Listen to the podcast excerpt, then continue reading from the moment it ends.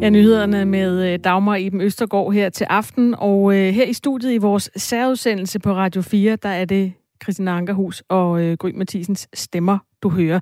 Vi har sendt ekstra udsendelser hele dagen her på Radio 4 i øh, anledning af Ruslands invasion af Ukraine. Det, der nu åbent bliver kaldt for krig. Lige nu taler den amerikanske præsident Joe Biden på tv, og for ikke så længe siden sluttede et møde i det danske udenrigspolitiske nævn, hvor øh, der viser sig et bredt politisk flertal for Danmarks bidrag til konflikten. Og øh, i morgen, der er der møde i, øh, i NATO, og øh, der vil med sikkerhed ikke være besøg af hverken Sverige eller Finland, fordi de er nemlig slet ikke medlem af NATO, og det skal vi komme til at snakke om lige om lidt. Jeg vil lige øh, hoppe ind i sms'en, hvor øh, Jon han har skrevet, alle analyser drejer sig i sidste ende om, at krigen alene er Putins skyld, men alle konflikter har jo mere end én part. Er der nogen form for øh, selvrangtagelse i Vesten overhovedet, spørger Jon. Det er et godt spørgsmål egentlig. Der er åben for øh, flere, øh, også sådan retoriske spørgsmål og øh, kommentarer i sms'en er fire. Lav et mellemrum og skriv din bemærkning og send afsted til 1424. Der er jo også åben for kommentarer på vores Facebook-side. Det er jo sådan, at vi allerede fra i morgen tidlig øh, kører på igen med dækningen af det, der sker i Ukraine lige nu. Øh, kom med kommentarer på vores Facebook-side, så kigger morgenholdet på dem. Lige nøjagtigt. Som nævnt, den øh, transatlantiske forsvarsalliance NATO holder topmøde i morgen med øh, deltagelse af alliancens 30 ledere. Naturligvis er det med øh, Ruslands igangværende offensiv i Ukraine på dagsordenen. Mødet foregår i øh, Bruxelles, hvor øh, mange europæiske ledere i forvejen er samlet til et EU-topmøde, som finder sted lige præcis i aften. Det vides dog ikke, om eksempelvis USA's præsident Joe Biden deltager fysisk. Jeg har på fornemmelsen, han ikke gør, for han står nemlig lige nu i det hvide hus og taler til sit folk. Men helt sikkert er det, at Sverige og Finland ikke deltager, for de er jo ikke medlemmer af NATO. Men må ikke, at øh, Sverige og Finland faktisk aktuelt ønsker sig, at de var medlem af Forsvarsalliancen? Det tror jeg i hvert fald Peter Viggo Jacobsen, der er lektor i Forsvarsakademiet. Jeg kunne godt forestille mig, at man i de her timer nu sidder og overvejer i Sverige og Finland, om det er nu, man skal ringe til NATO og spørge, om man kan blive medlem og få den sikkerhedsgaranti, som man måske godt kunne føle, man havde behov for nu. Øh, for det stiller Sverige og Finland i en svær situation, det her. Om de fortsat skal, vil, vil stå uden for alliancen, eller om de stadigvæk vil prøve at se, om de kan være sådan en mellemting imellem, øh, eller prøve at være sådan lidt på sidelinjen i forhold til NATO-alliancen. Øh, man kan jo godt kalde Sverige og Finland for de facto medlemmer af NATO i dag, fordi de samarbejder utroligt tæt sammen med NATO-landene. Men de er altså ikke en del af den fælles forsvarsplanlægning i NATO. Vi, øh, vi, vi deler informationer med dem, og vi har også nogle samarbejdsaftaler, og de har også samarbejdsaftaler med USA, men det er ikke det samme som NATO-medlemskab. Altså de facto medlemmer. Jesper Sølk, nordisk korrespondent og bosat i øh, Sverige. Velkommen til. God aften. Har du en fornemmelse af, at Sverige lige nu nærmest står og banker på hos NATO?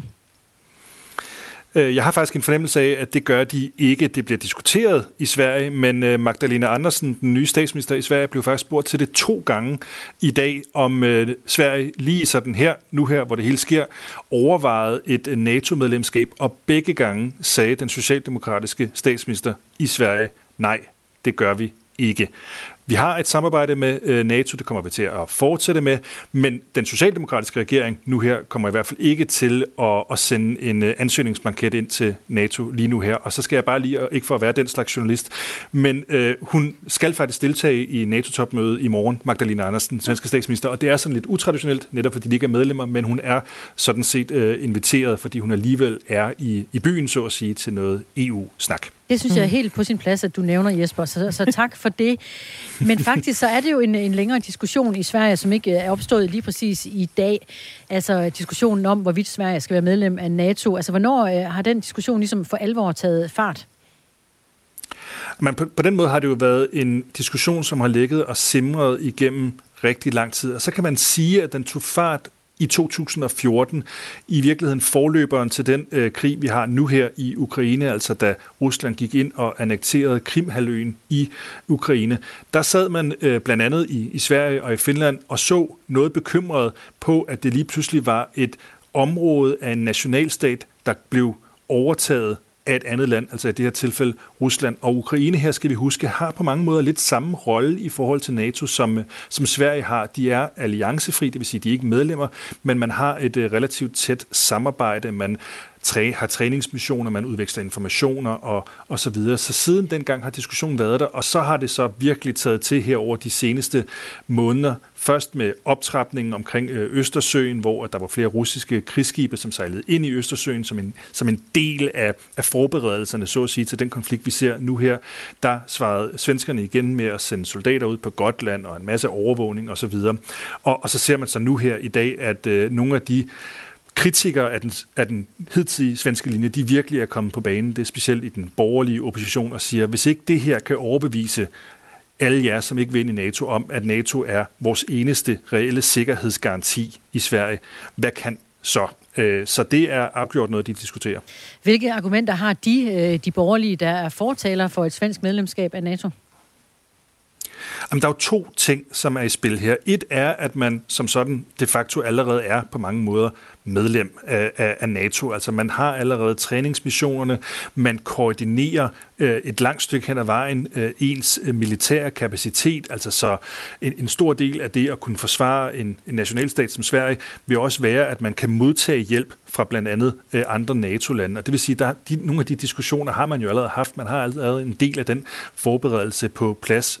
Øh, så, så det er så ligesom den ene, og den anden er, jamen altså, hvis man ikke har øh, en garanti for ikke at blive angrebet, og det kan man jo tydeligt se med, med Ruslands nu agerende i Ukraine, så er den bedste garanti for sikkerhed, det er at melde sig ind i NATO, fordi så står du ikke alene med dit forsvar, så har du altså alle de andre NATO-lande i, i ryggen, inklusiv den meget mægtige amerikanske forsvarskapacitet, øh, øh som, som jo vi kan se nu her, Ukraine ikke har.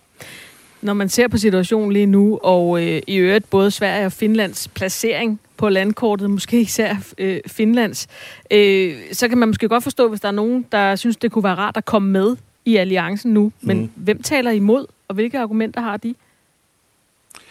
Jeg tror, hvis man, hvis man starter, Finland er lidt en speciel, øh, et specielt tilfælde, fordi de har en så lang historik med, med Rusland. De har tidligere været... Øh, i en direkte krig med dem. De har tidligere været en del af, af sådan det russiske imperium, øh, som sådan en, en, en stat, som var styret fra Moskva, øh, så at sige. Så man har en lidt speciel situation deroppe, hvor der er noget samarbejde og noget historik, der gør, at, at Finland ser øh, sig selv som, som lidt ind imellem på en eller anden måde at skulle gå en balance. Sverige øh, har en lidt anden øh, historik. Det handler om øh, en tradition for at være neutral, for ikke at indgå i blandt andet militære alliancer, som, som de her. Man ser sig ikke sig selv som et, som et land, som skal være en del af for eksempel øh, øh en, en større forsvarsalliance som, øh, som Sverige. Og man ser ikke nødvendigvis fordelene ved at skulle gå ind på nuværende tidspunkt og være en del af, af NATO. Man har et uh, samarbejde, og man føler sig uh, tryg nok, må man jo mm. gå ud fra, at man ikke vil blive, blive angrebet. Men det er klart, at alt det, der sker i øjeblikket, bare de her timer, det rykker jo ved alle de argumenter. Ja, hvad siger den øh, sådan almindelige svensker, hvis man må kalde det sådan, øh, til at man ikke er en del af Forsvarsalliancen lige nu i dag? Og det er faktisk lidt interessant. Øh, hvis man kigger bare nogle, nogle år tilbage, så var der meget bred opbakning til den svenske linje, som har været igennem årtier, at man ikke skulle melde sig ind i NATO. Der var ikke meget appetit øh, på det. Men når man har set nogle meningsmålinger, der er lavet her, specielt over de seneste måneder, så er antallet af svenskere, der siger, ah, måske kunne det være meget rart at have hele NATO's militære styrke i, i ryggen, hvis nu noget skulle ske. Den er stigende, så i øjeblikket ser man målinger, hvor det er omkring en, en tredjedel, måske helt op til 40 procent af svenskerne, siger, at vi skal til at overveje et, et NATO-medlemskab. Det man så gør i Sverige, det er, at man man vil tage det i to step, så man, man taler om en, en NATO-option, altså at man simpelthen officielt skal sige, vi har så mulighed at melde os ind i NATO, nu skal vi til at diskutere det, og så kan næste skridt så være øh, egentligt at sende ansøgningsblanketten afsted. Og vil den øh, socialdemokratiske svenske øh, statsminister være med til det? Altså den løsning med en NATO-option? Ikke på nuværende tidspunkt. Altså det er en af de ting, som, øh, som de også har afvist. Men altså nu er der valg i, i Sverige her til efteråret, og det her kommer til at blive en diskussion, fordi man kan se mange af de borgerlige politikere allerede nu være ude og sige, at hvis ikke det her kan overbevise blandt andet den nuværende regering om, at vi skal gå NATO-vejen. Hvad kan så? Så det kommer de til at diskutere. Og så skal det måske lige med, at, øh, at det kan måske lyde som om, at det kunne være super nemt for, for Sverige eller Finland lige at sende en ansøgningsblanket ind. Det er faktisk sådan, at der er en tidligere militærleder, amerikansk øh, general, som var general i, i NATO, som jokede lidt med for nogle år tilbage, at øh, hvis Sverige vil ind i NATO, så kunne de jo sende ansøgninger om mandagen, og så vil vi, ville vil vi have indledt med dem som medlemmer om onsdagen, altså fordi at samarbejdet allerede er så tæt øh, inkorporeret. Så nemt er det ikke. Altså der vil være en, en længere proces, øh, hvor at, øh, at, at svenskerne og finnerne skulle indsende ansøgningen, men så var der jo gå noget tid, før de reelt kan blive medlemmer. Så bare for lige at, øh, at pege ind i sådan øh, den nærmeste, de næste dage og den næste uge, altså hvad kommer snakken til at gå på i Sverige om netop øh, NATO-medlemskabet? Den kommer til at fortsætte øh, diskussionen, men det bliver lidt øh, samme linje, som vi ser i øjeblikket. Altså, øh, man, man har på en eller anden måde to argumenter stående ret klart over for hinanden. Den svenske regering, som vil beholde den position, som Sverige har haft igennem årtier, altså som en, en, en, et land, som ikke er en del af alliancer.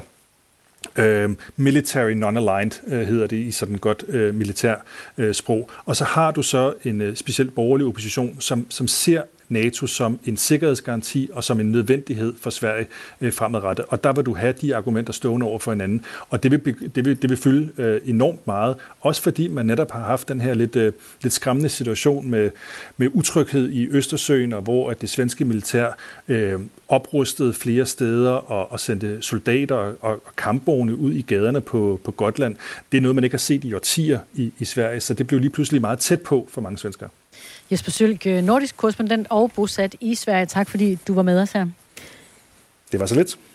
Øh, NATO har jo ingen aktuelle planer om at sende soldater ind i Ukraine. Det sagde NATO's generalsekretær Jens Stoltenberg på et pressemøde tidligere i dag. Han sagde også, at han tilbyder Ruslands præsident Vladimir Putin et møde for at diskutere situationen. Vi har ragt hånden ud til Rusland i ugevis, men øh, de har ikke taget det alvorligt. De har lukket døren for en politisk løsning, sagde Stoltenberg. Det er vi kede af, men det er desværre realiteten, og det påvirker sikkerheden for os alle. Derfor øger vi vores tilstedeværelse i Østeuropa, siger han. Du lytter til Radio 4, hvor vi øh, er i gang med en særudsendelse om Ruslands angreb på Ukraine. I nat beordrede den øh, russiske præsident en invasion af Ukraine, som øh, begyndte i den østlige del af landet. Og her er, hvad vi ved lige nu. For kort tid siden talte den amerikanske præsident Joe Biden til nationen og sagde, at USA vil lægge store sanktioner ned over Rusland. Det samme har den britiske premierminister Boris Johnson sagt tidligere på aftenen. Herhjemme har øh, det udenrigspolitiske nævn holdt et møde og er nået frem til at imødekomme det ønske om en styrket NATO-indsats, som øh, statsminister Mette Frederiksen kom med på et pressemøde i eftermiddag. Det betyder, at regeringen vil tilbyde kampfly og en øh, fregat og en helikopter til NATO, og at der altså er øh, politisk flertal for at gøre det. Danmark lukkede øh, tidligt øh, på dagen i dag sin ambassade i Kiev og øh, flyttede de ansatte til Polen, og også Sverige, Norge og Finland har lukket deres ambassader i Ukraine. Der er så rigeligt at holde øje med og opdatere på. Det er en øh, dag, der har været fyldt af spekulationer og masser af bekymring for, hvor øh, omfattende situationen i Ukraine er og øh, bliver, og hvad kommer det hele til at ende med. Kampfly og missiler, bomber og droner er ord, der bliver brugt i flæng i de her timer, og det kan være svært at finde hoved og hale i, hvordan det nu kommer til at se ud den nærmeste tid. Og så er det jo godt, vi har dig, Peter Ernst Ved. Velkommen til. Ja, tak. Vært på frontlinjen på Radio 4 og stifter af forsvarsmediet Olfi. Altså, de her angreb, vi ser lige nu, hvordan kommer de til at udvikle sig, lad os bare sige, de næste timer? Det er dog reelt set ikke nogen, der ved, men det man må forvente, det er, at angrebene fortsætter, og at øh, Rusland forsøger at øh, invadere hele Ukraine, så de rent territorielt sidder på øh, hele det ukrainske ja, øh, hele landet. Så det er da min forventning, at øh, vi både vil se landstyrker og også øh, eventuelt luftlandsætninger. Altså vi har jo hørt om, der formentlig er nogle fly på vej, øh, eventuelt med styrker ind i Ukraine. Og, og jeg, jeg forventer egentlig ikke, at vi vil opleve de store kampe i den første omgang. Det er måske mere sandsynligt, at man vil se, når først at øh, hele Ukraine er besat, så vil man se mere sådan en, en, en oprørsmodstand. Men vi hører også øh, dagen igennem, at Ukraine er jo et stort land, og det vil være svært som sådan at besætte et så stort land. Hvordan øh, tror du, de har tænkt sig at gribe det an? Jamen, jeg tror for øh, Rusland, der handler det primært om at komme ind til Kiev og afsætte den siddende regering, og så få indsat en øh, pro-russisk regering, som er lydhør over for, hvad Putin og hvad Rusland dikterer. Og, og, og dernæst, så kan man sige, så vil man sætte sig på øh, grænseovergang, man vil sætte sig på knudepunkter, lufthavne og øh, et, et cetera. Og, og, og så er det jo rigtigt, at det bliver svært at sætte sig på hele Ukraine, men hvis man sidder på nøglepunkterne, så har man også kontrollen over Ukraine. Og, og det tror jeg er i første omgang det, der kommer til at ske. Hvor stor en styrke står Rusland med? Jamen, det er der jo øh, delte øh, meninger om, og delte efterretninger om. Det, jeg har hørt, det er 170-175.000 mand, som er klar til at rykke ind. Og, og det, vi jo skal øh, huske på her, det er, at det er jo styrker, som Rusland har mobiliseret og opmarcheret langs Ukraines grænse, ikke kun over i den østlige del ved Donbass og det, som vi hører meget om Lugansk og øh, Donetsk, men også hele vejen ind i Belarus, som ligger nord for Ukraine og nord for Kiev. Og samtidig så har Rusland jo også betydelige styrker på Krim, der ligger syd for Ukraine, og man har store flådebaser på, i, i Sevastopol nede i, øh, på Krim. Og, og invasionen ser jo ud til at komme fra tre retninger, altså fra syd, fra Krim, fra øst over fra Donbass, og nordfra op fra øh, Belarus. Så det er temmelig omfattende. Men lad os så prøve at zoome ind på den del, du øh, peger på i Kiev omkring regeringen og den afsættelse, der kan komme til at foregå der. Hvordan foregår sådan noget, eller hvordan vil det komme til at foregå? Jamen, det vil formentlig foregå ved, at man sætter militære styrker ind, og enten skyder sig vej ind til øh, præsidenten, eller øh, går ind og sætter sig på paladset og regeringens øh, bygning og siger, nu har vi kontrollen her. Og så har I bare at øh, ret. Og, og, og det kan jo ske på, øh, på, på mange måder, men, men jeg må forvente, at det sker voldeligt. Og det vil sige, at man kommer med magt, og man kommer med kampvogn, og man kommer med, med krigsmaskineriet og kører ind og viser fysisk, at øh, nu øh, overdrager I magten til os, og ellers så bliver det rigtig slemt. Og øh, nu rasles der jo også fra, øh, fra NATO's side, der er møde i morgen, og øh, nu har flere altså stået skulder ved skulder. Biden har lige talt. Hvordan kommer det til at påvirke den videre proces? Jamen, det er jo et godt spørgsmål. Altså, jeg, jeg tror, der er mange, der øh, venter spændt på, hvad Putins næste træk er, fordi det er jo vigtigt at forstå her, at Ukraine er ikke et NATO-land. Og det, som NATO-landene og Vesten møder Putin med, det er jo ikke militær magt i Ukraine. Det er stadigvæk øh, det er sanktioner og restriktioner, hvor man prøver at presse Putin til et forhandlingsbord og til at trække sine styrker tilbage.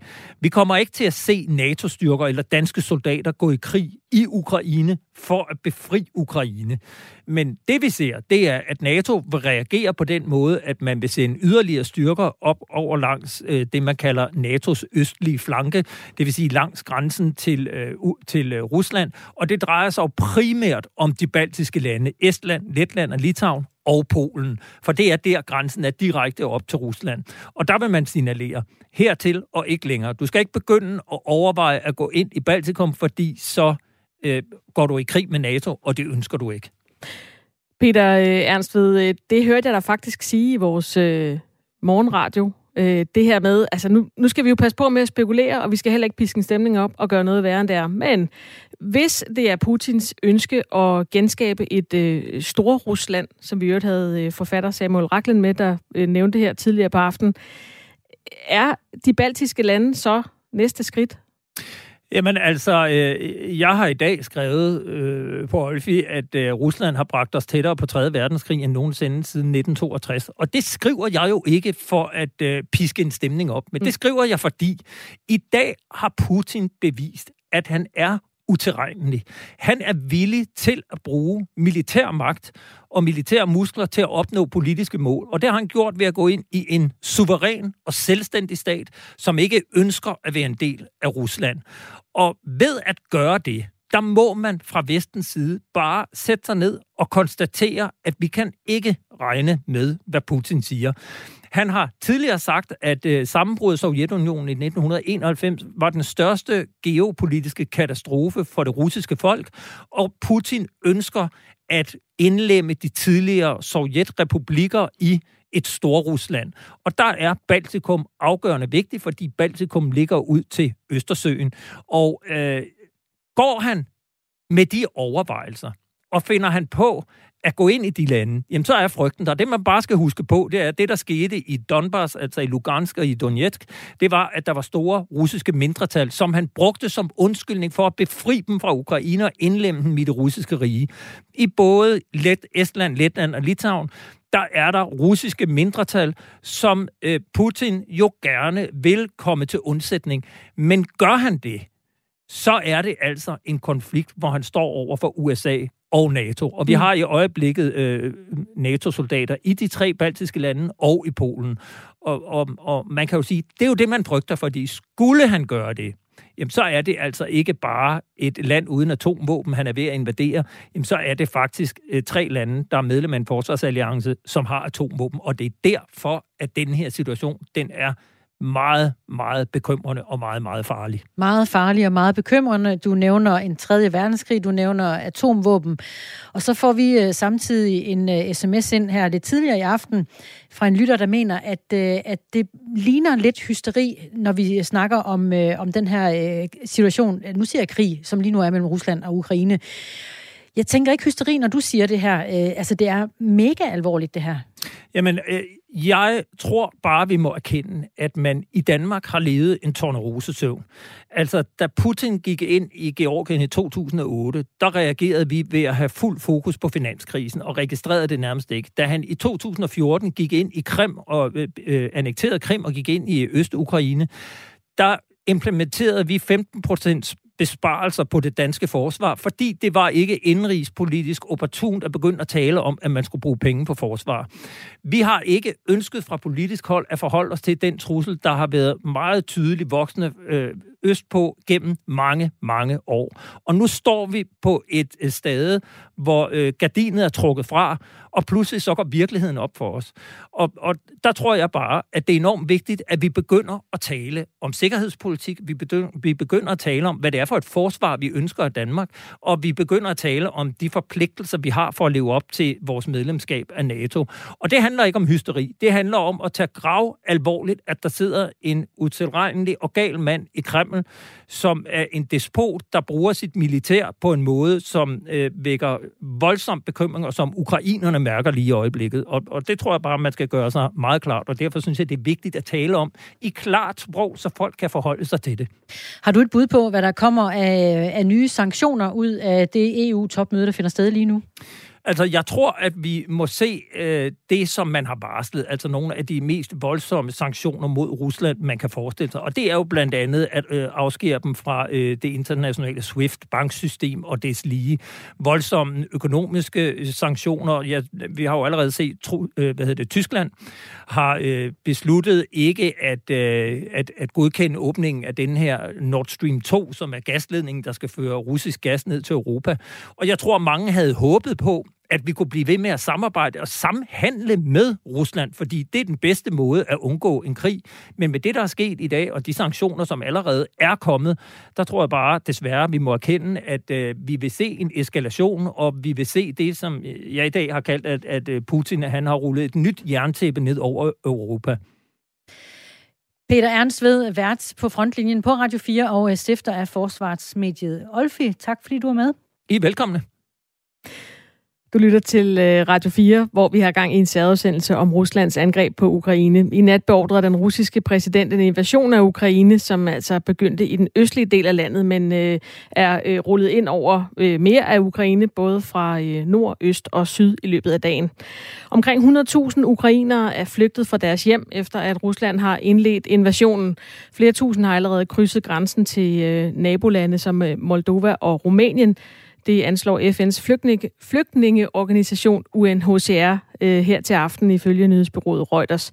UNHCR-talspersonen øh, understreger, at tallet er omtrentligt, som det hedder. Man er altså ikke helt sikker på det præcise tal, men der er det er indsamlet på baggrund af meldinger fra nationale myndigheder og, og øh, UNHCR's ansatte og andre samarbejdspartnere. Den tyske forbundskansler Olaf Scholz lægger indirekte op til, at betalingssystemet SWIFT ikke skal være en del af sanktionerne mod Rusland i den her omgang. Vi skal holde sanktioner klar til senere, siger Scholz på spørgsmålet om, hvorvidt øh, SWIFT skal være med i øh, den her omgang af sanktioner. Han øh, svarer ikke ja eller nej til, om SWIFT kommer med, men den tyske forbundskansler har tidligere været skeptisk over for at øh, tage betalingssystemet i brug som en del af de sanktioner, som øh, EU ruller ud over for Rusland. Og så gør vi plads til et øh, kort nyhedsoverblik klokken er 20.30.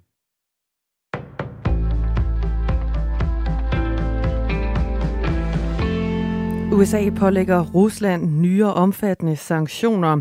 Det siger USA's præsident Joe Biden i en udtalelse om situationen i Ukraine her til aften dansk tid.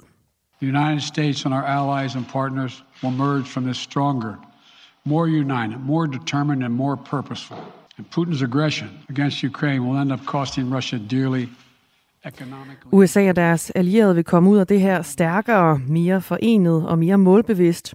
Putins aggression mod Ukraine vende med at koste Rusland dyrt, både økonomisk og strategisk. Det vil vi sørge for, lyder det fra Joe Biden.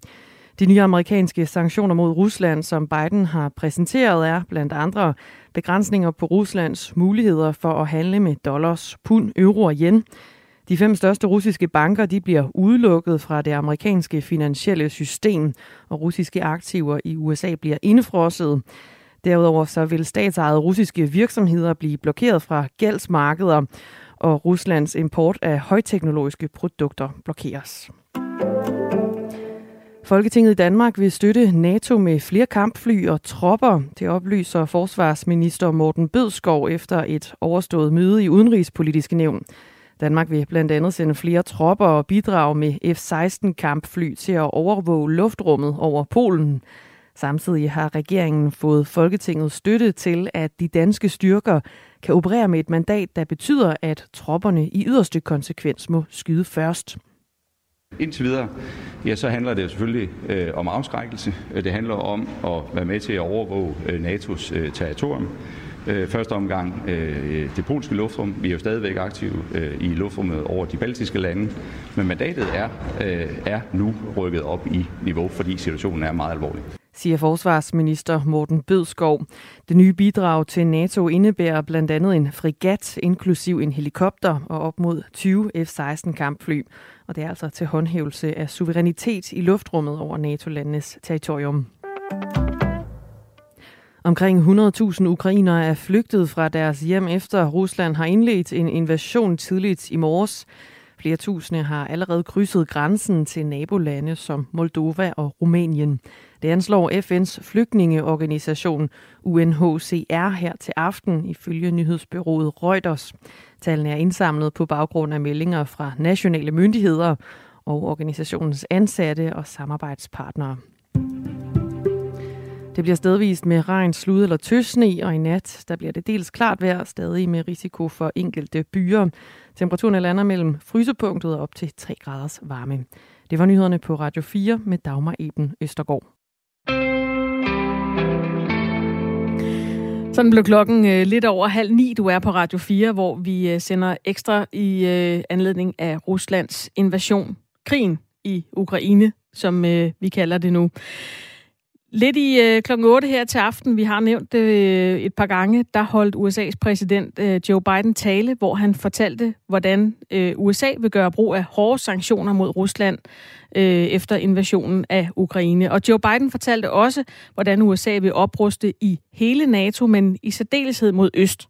In addition to the economic penalties we're imposing, we're also taking steps to defend our NATO allies, particularly in the east. Tomorrow, NATO will convene a summit. We'll be there to bring together the leaders of 30 allied nations and close partners to affirm our solidarity and to map out the next steps we will take to further strengthen all aspects of our NATO alliance. sagde altså øh, Joe Biden. Og en af dem, der øh, fulgte med i øh, talen fra det Hvide Hus, var Rasmus Sinding Søndergaard, der er seniorforsker ved DIS og har fokus på amerikansk udenrigspolitik. Velkommen til Radio 4. Tak for det. Hvad bed du mest mærke i, øh, i det Biden sagde i sin tale? Jo, men altså på den ene side, kan man sige, så øh, slog han selvfølgelig fast, som man forventede, at Putin er ansvarlig, og at amerikanerne har øh, stor sympati og solidaritet med ukrainerne. Men det blev også endnu en gang gentaget, at USA, nu hvor man sender styrker til Østeuropa, så er det ikke for, at USA eller NATO på nogen måde skal engagere sig militært i Ukraine. Det kan endnu en gang slå fast, det ikke er, ikke er hensigten. Men derimod så vil man altså gå ind på at, at sikre NATO's ydre grænser. Så det er sådan en, en dobbelthed, kan man sige. Altså på den ene side så øh, slår man endnu en gang fast, at man altså ikke vil gøre noget militært i Ukraine. Men man prøver ligesom at signalere til Putin, at når det kommer til NATO, så er det en helt anden situation og man vil derfor gøre, hvad der står i ens magt for at sikre NATO mod en eventuel russisk aggression. Hvorfor har Biden brug for at understrege det igen og igen, at man ikke vil gøre noget militært i Ukraine? Det er jo fordi, altså dels kan man sige, at det er ikke populært øh, politisk på hjemmefronten, øh, at USA skulle være engageret i en, øh, en meget omfangsrig krig øh, i Østeuropa i Ukraine. Men det handler jo også om at signalere meget klart til russerne, at man ikke skal se det her som en aggression fra USA eller fra NATO, men at NATO er en forsvarsalliance, og at de her tropper, der rykker til øh, Østeuropa nu, de er der for at forsvare NATO, ikke for at blande sig i Ukraine. Det er jo vigtigt at slå fast, for Putin har jo været ude og sige øh, med en slet øh, skjult hentydning til hans øh, betydelige atomarsenal, at øh, hvis Vesten blander sig i Ukraine, så vil han øh, ikke være for bleg til at, at gå den retning også.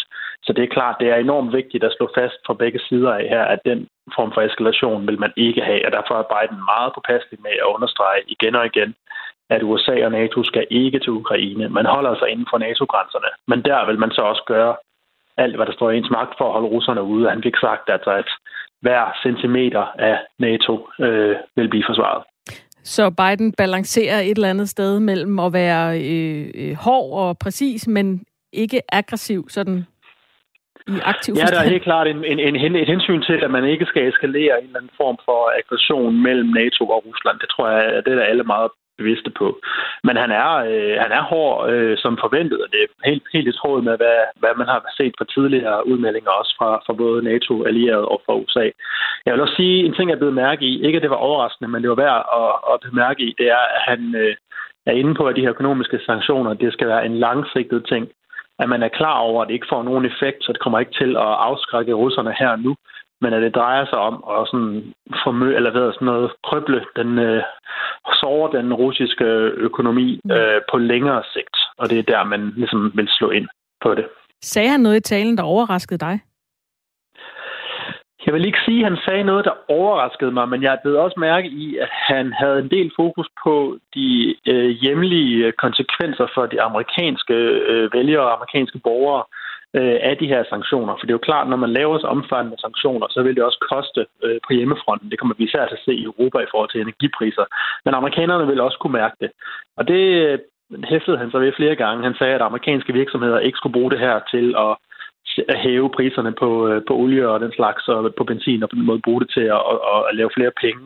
Og han sagde, at han gør alt, hvad der står i hans magt, for at formidle de negative konsekvenser for amerikanske forbrugere, som følger de her sanktioner mod russerne. Så det, det synes jeg var værd at bemærke i. Han var meget bevidst omkring de potentielle indrigspolitiske omkostninger, der er forbundet med det også i USA, at man fører de her ret omfattende sanktioner. Så med alt det her øh, for øje, hvilken rolle kommer USA til, så til at spille i den her krise fremadrettet? Ja, det, øh, altså USA er jo garanti, altså garantien for, øh, hvad skal man sige, for Europas sikkerhed gennem NATO. Altså fordi USA jo er langt den stærkeste militærmagt. Så den rolle spiller man jo. Man kommer til at spille rollen som lederen af øh, det europæiske amerikanske samarbejde. Øh, man kommer dem, der kommer til at skubbe på. Altså, der er enkelte europæiske lande, som er modvillige i forhold til nogle af de her sanktioner, som andre gerne vil have indført. Og der vil vi se, at øh, USA kommer til at forsøge at samle dets allierede. Det gør han meget ud af i talen også, ikke kun i Europa, men også øh, i Asien. Og så vil man også fra amerikansk side komme til at lægge pres på nogle af de lande, for eksempel Tyskland og Italien og andre i Europa, som er lidt mere tilbageholdende med at, at slå hårdt med hårdt i forhold til de her sanktioner med russerne. Tak fordi du var med her på Radio 4, Rasmus Sinding Søndergaard, seniorforsker ved DIS. Velbekomme. Og nu øh, skal vi høre fra en øh, kvinde, der hedder Regina Bodarenko. Hun er øh, ukrainsk jurist, og hun befinder sig lige nu i Ukraine. Og vores kollega Frederik Lyne ringede til hende her lidt tidligere på aftenen for at høre fra en lokal kilde om dagens dramatiske invasion. First of all, Regina, could you tell me where you are in Ukraine? Uh, now I'm staying in, in Lviv, um, but uh, when it started, I was in Kiev, and unfortunately, um, tonight I woke up because I hear explode, explorers, uh, and um, it was uh, above um, 4, uh, uh, 4 a.m., yeah. Mm. So it was the first uh, diversions. Uh, as I understand, it's uh, not pumps or some attacks from from army, yeah, but some local diversion. Um, and understand it, uh, Kiev will be the first goal. That's why I unfortunately must leave the city and go to Lviv. Regina befinder sig lige nu i Lviv, da hun øh, er flygtet fra Kiev, efter hun klokken 4 i nat vågnede op til lyden af eksplosioner, fortæller hun. Hun siger, at øh, eksplosionerne ikke var direkte militærrelaterede, men nærmere sådan lokal afledningsmanøvre, som ikke øh, desto mindre fik hende til at flygte til Lviv. What are you doing right now? Uh, right now, I'm in Lviv and try to um, connect all my contacts uh, above the country because I uh, really think and hope that uh, inform, uh, informational support uh, is a huge instrument because unfortunately we see that when it was in Bel- Belarus force uh, uh, to to population. There are not enough uh, support informational informational support. That's, why I think it's not it, it wasn't so success. That's why I believe that if we tell about Ukraine every day, every second, it it can help us to uh, create the space when we uh, collect the proof of this war because I don't understand why people. Uh, I don't know why name it's like uh, Ukrainian situation or some aggressive. Not it's war.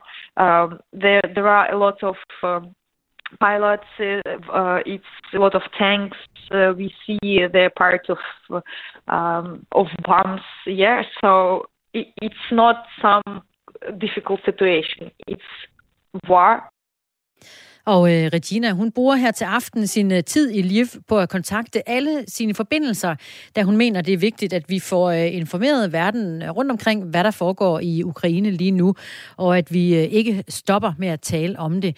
Hun fremhæver revolutionsforsøget i øh, Belarus, Hvide Rusland sidste år, og mener, at grunden til, at det ikke var succesfuldt, var øh, blandt andet på grund af mangel på information. Og derudover så er det også vigtigt, ifølge Regina, som vi hører, at vi øh, kalder det en krig, det der foregår lige nu mellem Ukraine og Rusland. Og det er fordi, hun ser Ukraine øh, som et land lige nu fyldt med kampvogne og øh, bomberester. How do you think this war is gonna end? Putin think that Ukraine will fall in two, three days, but it's never happened because we have force we have belief in our country. We know why we fight, and we know that we not fight only for us, for our families, and for our homes. We fight for democracy in the world, and it's more important Og det er Regina, som altså svarer på øh, spørgsmålet om, hvordan hun tror, at krigen ender. Øh, og det kan godt være, at Putin tror, at han kan indtage Ukraine på øh, to-tre dage. Men ifølge Regina, så kommer det ikke til at ske, da Ukraine kæmper for deres familier og deres hjem, og ikke mindst for demokratiet, sagde altså øh, Regina Bondarenko, som er ukrainsk øh, jurist og lige nu befinder sig i Ukraine. Du lytter til Radio 4 og en særudsendelse om øh, Ruslands angreb på Ukraine. Og lige nu er mange europæiske øjne rettet mod det EU-topmøde, der er i gang i Bruxelles. Det vi ved lige nu er, at øh, EU har varslet hårde sanktioner mod Rusland, og øh, det er dem, der skal forhandles på plads på mødet, som var sat til at gå i gang her kl. 20. Det eneste, der ser ud til at stoppe en europæisk enighed på øh, området, det er det internationale betalingssystem SWIFT, Tyskland har øh, ved forbundskansler Olof Scholz sagt, at betalingssystemet ikke bør være en del af sanktionerne, og det øh, bakker blandt andet Italien op. Øh, sanktioner, der øh, øh indblander SWIFT, kan ramme Rusland på eksporten af gas, men øh, det kan så også komme til at gå ud over netop Tyskland og Italiens forsyning.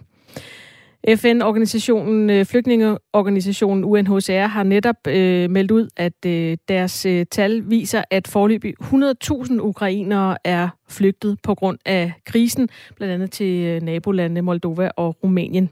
Og det er en øh, situation, der påvirker øh, vidt og bredt øh, verden over, og øh, lige nu er der hastindkaldt øh, til EU-topmøde i øh, Bruxelles. Det er i fuld gang mødet lige nu, og det er et møde, som øh, EU-korrespondent hos Ritzau, Christian Brød øh, Petersen, følger tæt. Velkommen i radioen her på Radio 4. Tak skal du have. Hvad regner du med, at der foregår på mødet lige nu? Jamen altså, de er gået ind, øh, som vi nævner, alle stats- øh, og regeringsledere er ankommet, og de er gået ind, øh, og de har skulle aflevere deres øh, mobiltelefoner og elektroniske øh, apparater for, at der kan være fortrolighed omkring det her møde. Og nu sidder de så og skal til at diskutere, hvad det er for nogle øh, sanktioner, der præcis skal sættes i værk øh, i forhold til Rusland efter det angreb, de har lavet på Ukraine. Og det er, som I også nævner her, øh, betalingssystemet SWIFT, der ser ud som om øh, det er det punkt, der ligesom der, der deler EU-lederen. Hvorfor er det, at man har hasteindkaldt til, til det her møde, altså så hu hej? Ja, man kan faktisk sige, at det blev allerede indkaldt i går, øh, altså inden man vidste, at øh, Rusland ville gennemføre det øh, angreb, som, øh, som startede omkring kl. 5 i morges. Øh, så EU-lederne var egentlig indkaldt, øh, og på det tidspunkt var, øh, var ideen formentlig, at man skulle signalere øh, noget enighed, og at man stod sammen i EU, og, og man også øh, ville tale lidt omkring noget ekstra hjælp til Ukraine, noget økonomisk hjælp øh, blandt andet. Øh, og siden da har det udviklet sig meget dramatisk, øh, og nu er det så øh, den her anden fase af sanktioner, som er det helt store øh, emne for, øh, for topmødet, og forventningen er, øh, det er også det, vi hører fra alle alle de 27 øh, EU-landes ledere på forhånd her, de er klar til at lave en, øh, en stor sanktionspakke. Øh, men det er selvfølgelig et, et, stadigvæk et spørgsmål om præcis, hvad der, hvad der kommer med i den, og det ser ud som om, at det her, kan man sige, den ultimative sanktion, øh, som er det her internationale betingelsessystem SWIFT, at det nok ikke kommer med i, øh, i sanktionspakken. Og lad os da bare lige tage den. Hvad er det, det handler om, betalingssystemet SWIFT?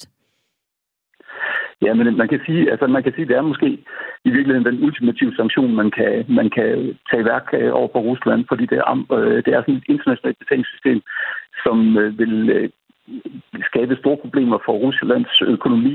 Det vil være meget mærkbart, og det vil også gøre det meget vanskeligt for, for Rusland at eksportere ting og, og gennemføre betalinger, og det kan blandt andet også ramme Ruslands energieksport, og det er selvfølgelig et meget følsomt emne i en situation, hvor øh, Europa oplever høje energipriser, og nogle lande er øh, særlig afhængige af gas, f.eks. Tyskland og, og også Italien har været skeptiske over for det her øh, våben i, i brug, kan man sige. Hvorfor er det vigtigt for øh, Tysklands forbundskansler Olaf Scholz, øh, at, at det ikke bliver en del af sanktionerne her i første omgang?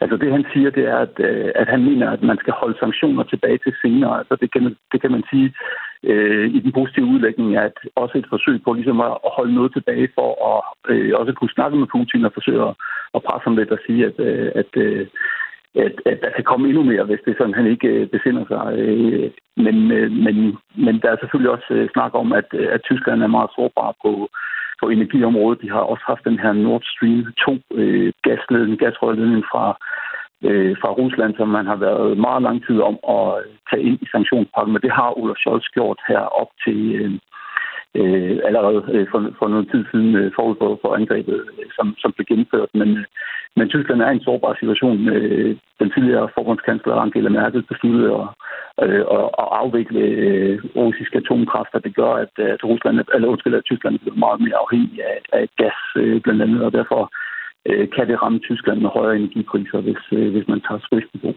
Og det er i hvert fald blevet nævnt øh, fra flere steder fra, at man øh, kommer altså til at se ret hårde sanktioner som et resultat af det her møde. Hvad er der ellers i spil ud over SWIFT? Ja, man kan sige, at der, der er lagt op til omfattende sanktioner. Det bliver både øh, personer, der bliver ramt, som vi har set i den første pakke øh, i forhold til Øh, hvad hedder det? Altså, det, kan, det har været politikere øh, fra Dumaen, der blev ramt i, i første omgang. Der, der vil komme flere enkelte personer. Der vil også komme øh, instanser. Det kan også være øh, banker, og det kan være hele øh, sektorer øh, inden for teknologi og andre vigtige øh, områder for, for Ruslands økonomi, som vil blive ramt af de her sanktioner. Det er selvfølgelig et forsøg på at øh, og, øh, hvad kan man sige, bremse Ruslands øh, økonomi og, og, og gøre det smertefuldt for, for Putin at gennemføre det her. Øh, og vi hørte øh, i morges var øh, øh EU-kommissionens øh, formand Ursula von der Leyen ude på et pressemøde og fortælle, at det her det er simpelthen også et forsøg på at bremse øh, Ruslands modernisering. Altså man prøver at tage adgang til højteknologi væk øh, fra Rusland. Øh, så det er et, øh, det skal være et, et forsøg på at lave et omfattende sanktionsregime, der, der kommer til at gå ondt på Rusland, også selvom Swift ikke måske ikke kommer med. Mm. Og nu, nu forestiller jeg mig næsten, at, øh, at der på et tidspunkt skal komme enten hvid røg op, eller, eller sort røg, om de nu bliver enige derinde. Hvordan kommer det til at foregå? Altså, skal de bare diskutere det halv af natten? Ja, det er så det, der er det store spørgsmål. Det, man håbede på øh, i går, da øh, topmødet blev indkaldt, det var, at det her det ville vare til omkring øh, midnat. Og så skulle EU-lederne komme ud i øh, god øh, ro og orden og signalere øh, enighed. Øh, men siden der er der jo selvfølgelig kommet en, en helt ny situation, som øh, øh, også er chokerende for mange af de her øh, stats- og regeringsledere, selvom efterretningstjenesterne faktisk har, har advaret om, at det var det her, der ville ske øh, i, faktisk igennem, øh, igennem lang tid. Øh, igennem hele den sidste uge har man hørt, at Rusland var klar, og også at, øh, at, at forventningen var, at de faktisk ville angribe, men alligevel så, øh, så kommer det her bag på mange, og det, det gør selvfølgelig, at det er en helt anden situation, de er gået ind til det her møde med. Øh, og de har som sagt lukket døren, de har lagt deres øh, telefoner uden for døren, og planen er, at de kommer ikke ud, før der er enighed. Der bliver ikke nogen pauser, der bliver ikke noget, øh, hvad kan man sige, delkonklusioner undervejs. Så forventningen er, at, at der skal komme videre op øh, fra det her, ellers vil det være en, øh, et meget stort øh, troværdighedstab for, for EU, og det, det tror jeg også, at øh, det lykkes for dem. Så spørgsmålet om de så kommer helt op i den her øh, ultimative sanktion, øh, det er så det, vi må se. Men øh, eller om... forventningen er, at der på et eller andet tidspunkt i nat vil, øh, vil komme enighed her. Ja, eller om de mødes på midten, vil jeg bare sige her. For, for det er vel vigtigt, at der i hvert fald kommer et resultat, ikke? De skal komme ud med noget. Helt sikkert, fordi vi har jo set øh, øh, USA's øh, præsident Joe Biden øh, være ude med skarpe sanktioner her til aften kort før EU-topmødet gik i gang, og vi har også set Storbritanniens øh, premierminister Boris Johnson melde ud, og øh, måske lidt opsigtsvækkende, så så vi faktisk Joe Biden sige, at øh, at SWIFT ikke kommer i brug, fordi der simpelthen ikke er enighed øh, blandt EU-landene. Og det kan jo selvfølgelig efterlade lidt en smag af, at, øh, at EU er den fodslæbende part i, øh, i det her sanktionsregime. Øh, men det er vigtigt for EU, at, øh, at man kommer ud og viser, at man er enig om de sanktioner, der så kommer. Og vi følger med, og så øh, får vi resultaterne med i øh, vores morgenradio i morgen. EU-korrespondent hos Ritzau, Christian Brød Petersen, tak fordi du var med os her til aften. Tak. Der er meldinger om øh, demonstrationer flere steder i øh, Rusland øh, i dag og her øh, til aften med øh, mange anholdte, oplyser nyhedsbyråerne. Og der har også været demonstrationer hele dagen i København mod den russiske invasion af Ukraine. Og på lørdag, der kommer bybilledet i øh, Aarhus til at blive øh, præget af ukrainske flag i øh, massevis. Der er nemlig anmeldt en demonstration mod den russiske aggression i Ukraine i Aarhus Midtby lørdag eftermiddag kl. 16. Begivenheden er i solidaritet med den ukrainske befolkning, og initiativtageren til demonstrationen, det er dig, Alexandra Steffensen. Velkommen til Radio 4. Tak for det. Ja. Du kom til Danmark fra Ukraine for øh, 18 år 18 siden. 18 år. Ja. ja. Hvorfor synes du, der er brug for at demonstrere på lørdag? Øhm, altså, planen var egentlig, at, øh, at øh, mange ukrainere øh, havde lyst og har stadigvæk selvfølgelig lyst til at komme ud og vise, at vi er her, og ligesom komme frem med budskabet til danske befolkning. Øh, og selvfølgelig i København er der større mulighed at komme frem til politikerne. Øh, men det er lige så meget også for, at vi ukrainer samler os og ligesom øh, forener os på baggrund af den her smerte, vi har, og vi kan bedre finde ud af, hvad vi skal gøre frem over, hvilke handlinger der skal foretages, og også hvordan vi skal organisere os, og i alt taget, øh, hvordan vi deler den her situation, der er sket. Øh, ja, der, mm. der er virkelig mange følelser på spil der, så jeg tror, at der er mange forskellige grunde til, hvorfor man samler sig. Hvad vil det betyde for dig personligt at gå på gaden og øh, vise dig med det, med det ukrainske flag? Jamen altså, det vil øh, betyde det, at jeg støtter folk i mit land. Det vil betyde det, at jeg øh, er meget fordømmende over de handlinger, Putin han foretager sig. Og det vil selvfølgelig også betyde for, øh, for mig og min landsmand, at, øh, at vi er ens, og vi er enige, og vi ved, hvad vi vil alle sammen. Og du tror, I er enige om, hvad I gerne vil vise? Det er vi. Vi er mm. meget enige. For første gang, tror jeg, i al den tid, jeg har boet i Danmark, øh, jeg oplever den største enhed blandt ukrainere end nogensinde før. Og, og det er der også selvfølgelig en god grund til. Der er ikke plads til andet. Så ja, det er vi. Hvordan har I samlet jer øh, sådan i løbet af i dag i forhold til, hvad der skal foregå, og, og, og, og for at tale om den her enighed?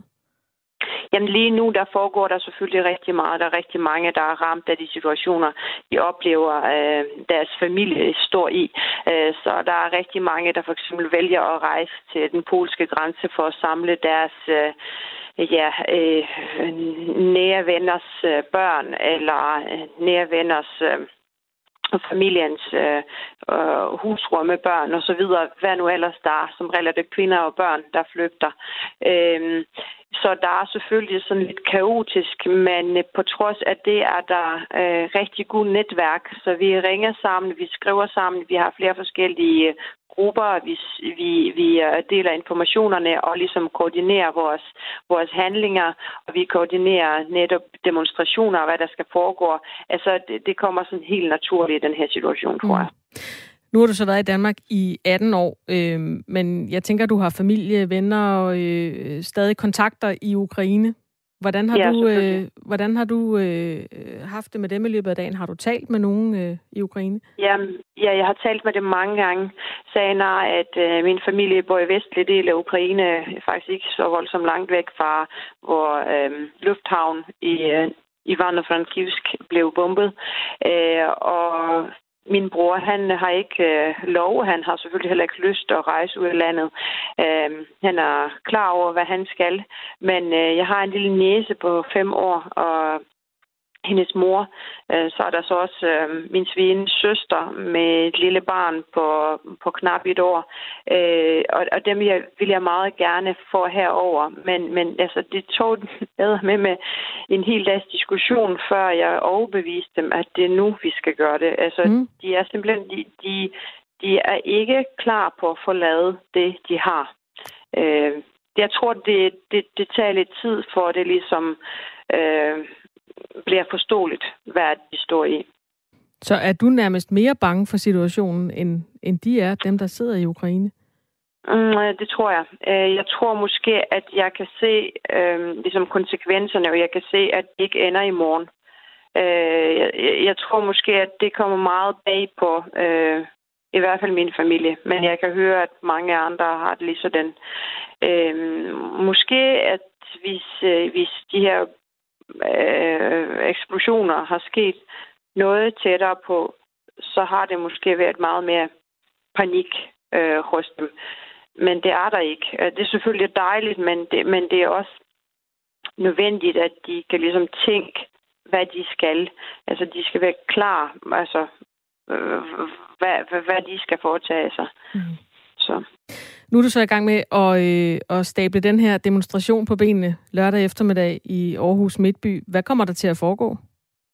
Jamen, øh, planen er, at øh, vi samler os øh, ved Bispebjergtorvet, og, og vi øh, synger selvfølgelig nationalsang, og der skal vi nok også have et minut stillhed for de folk, der har mistet deres liv og mistet deres, deres kære.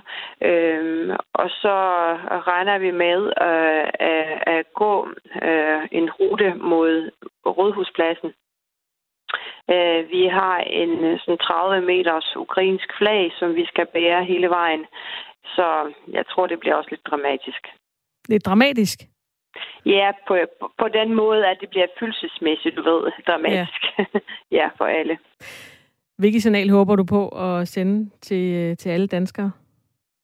Ja, ja at øhm, alt det her, der foregår øh, lige nu i Ukraine, at det er ikke kun ukrainsk problem, fordi at man skal også kunne forstå, at øh, alt, øh, den antal flygtninger, mm. der kommer strømmende, det, det ved jeg ikke, hvordan Europa vil kunne håndtere, fordi det, det, det vil simpelthen være hårdt.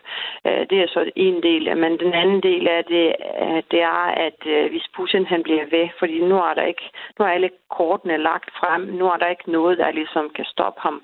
Hvor langt øh, længere har han tænkt sig at gå, det er der ikke nogen, der ved. Mm.